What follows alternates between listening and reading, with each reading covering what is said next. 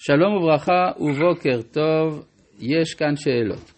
שואל עקיבא, שלום רב, האם ניתן להבין מדבריו של יעקב לפרעה נבואה לעתיד לגבי כלל ההיסטוריה, שמתוך ההיסטוריה של ששת אלפים שנה בעולם הנוכחי, רק מעט מהימים יהיו טובים לעם ישראל? כן, אפשר בהחלט להגיד את זה. שואל אברהם בן רחל, לפני שלושה שיעורים, אמר הרב שיהודה שומר על הייחודיות של בני ישראל, ואילו יוסף הוא הקוסמופוליטי. מדוע יהודה, אשר בתור ראש הישיבה קובע את הייחוד של עם ישראל, נשא אישה כנענית?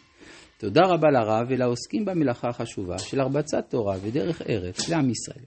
טוב, דיברנו על זה שיהודה, אדרבה, נושא כנענית ולא מי שהיא שמחוץ לארץ ישראל. כלומר, מכיוון שיהודה סבור שעם ישראל כבר הגיע לידי, אה, כלומר תקופת האבות הושלמה, אז מה שנשאר עכשיו זה להכות שורשים בארץ ישראל. וזה המקום הייחודי. ולכן הוא מחפש בין יושבי הארץ הצדיקים עם מי אה, להתחתן. אדרבה, זה חלק מן הייחודיות הארץ ישראלית שלו.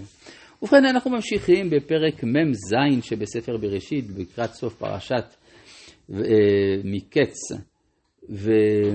ובפסוק אה, י"ג. אז רש"י אמר לנו, ולחם אין בכל הארץ, מדובר על המדיניות שיוסף הנהיג בארץ מצרים עוד לפני אה, שאחיו באו. ולחם אין בכל הארץ, כי כבד הרעב מאוד. ותלה ארץ מצרים, וארץ כנען מפני הרעב. כן, גם ארץ כנען באותם הימים הייתה תחת שלטון מצרים.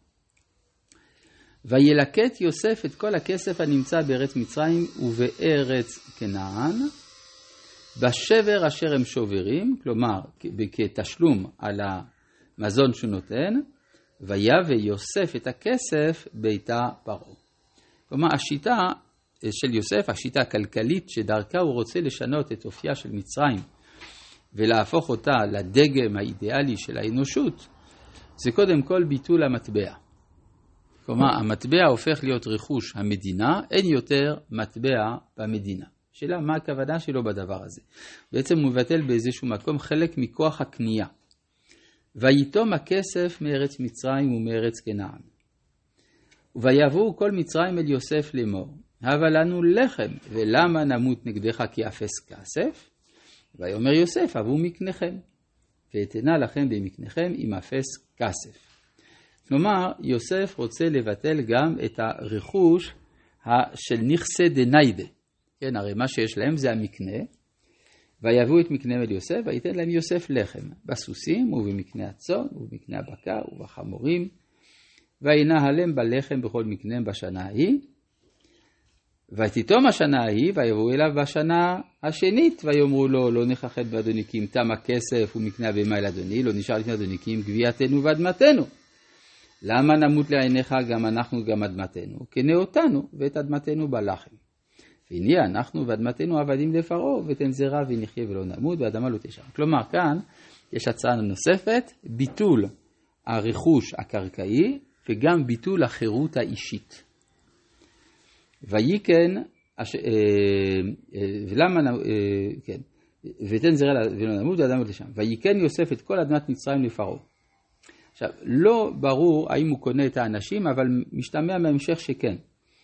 ויהי כן יוסף את כל אדמת מצרים לפרעה, כי מכרו מצרים איש שדהו, כי חזק עליהם הרב ותהיה הארץ לפרעה. זאת אומרת, יש הלאמה מוחלטת של הרכוש. לא רק ביטול החירות האישית, גם ביטול השורשים התרבותיים. למה? ואת העם העביר אותו לערים, מצא גבול מצרים ועד קצהו. אחד האופנים לפרש את הפסוק הזה, זה אופן קיצוני, שמי שהיה חי בדרום מצרים עבר לצפון, ומי שהיה חי בצפון עבר לדרום. כלומר, נוף הילדות והנוף התרבותי שבו גדל כל אחד, גם זה בוטל. זאת אומרת... אפשר להגיד מהכפרים לערים, אז זה הפירוש הסופט, הרך, דהיינו שרק מה, מהסביבה הוא העביר לעיר, או שמקצה ארץ מצרים ועד קצה הוא שמעיר לעיר. כן? יש גם זה וגם זה בחז"ל. רק אדמת... עכשיו, יש פה, מה המטרה של יוסף? אגב, צריך להוסיף שגם הייתה לו מהפכה תרבותית שמתוארת ברמז בפרשת מקץ בהתחלה, ש... פרעה אומר, לכו אל יוסף כל אשר יאמר לכם תעשו, שחז"ל אומרים שהוא מל את כל מצרים.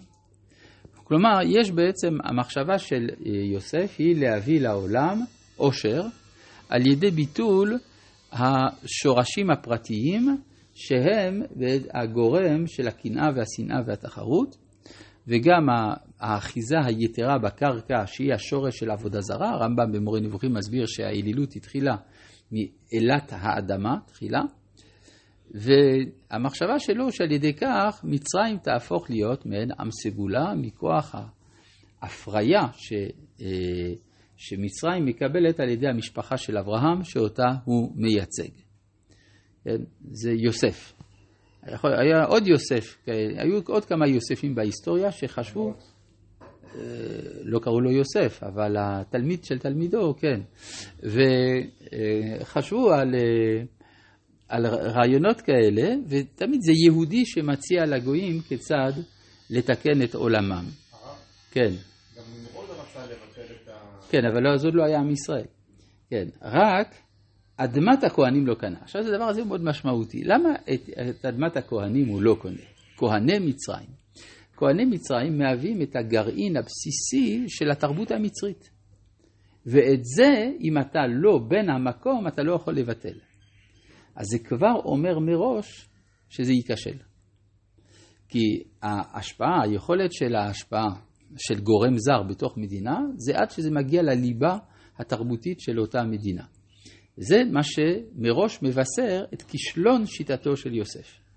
רק אדמת הכהנים לא קנה. כי חוק לכהנים את פרעה ואכלו את חוקם אשר נתן להם פרעה, על כן לא מכרו את אדמתם.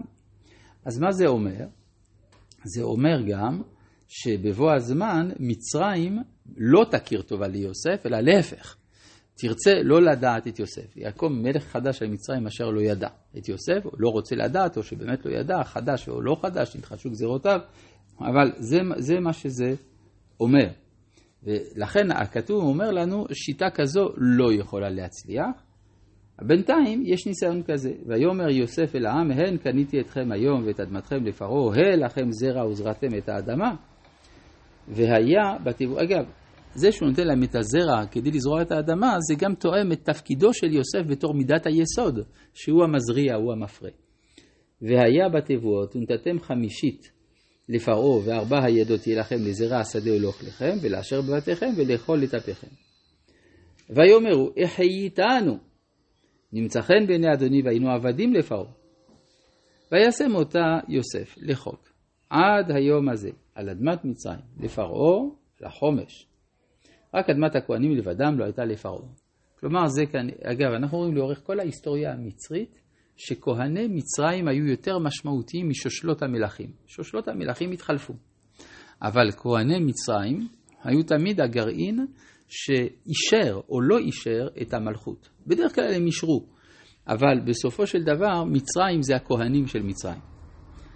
וישב ישראל בארץ מצרים בארץ גושן. ויחזו בה, ויפרו, וירבו מאוד, ויחי.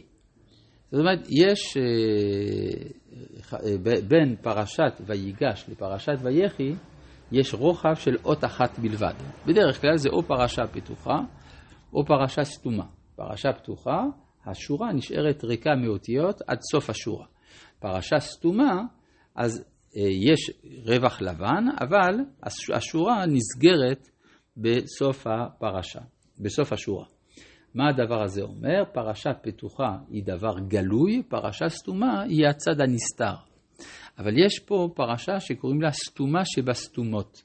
היא יותר סתומה מכל פרשה, כי נסתתמו עיניהם של ישראל.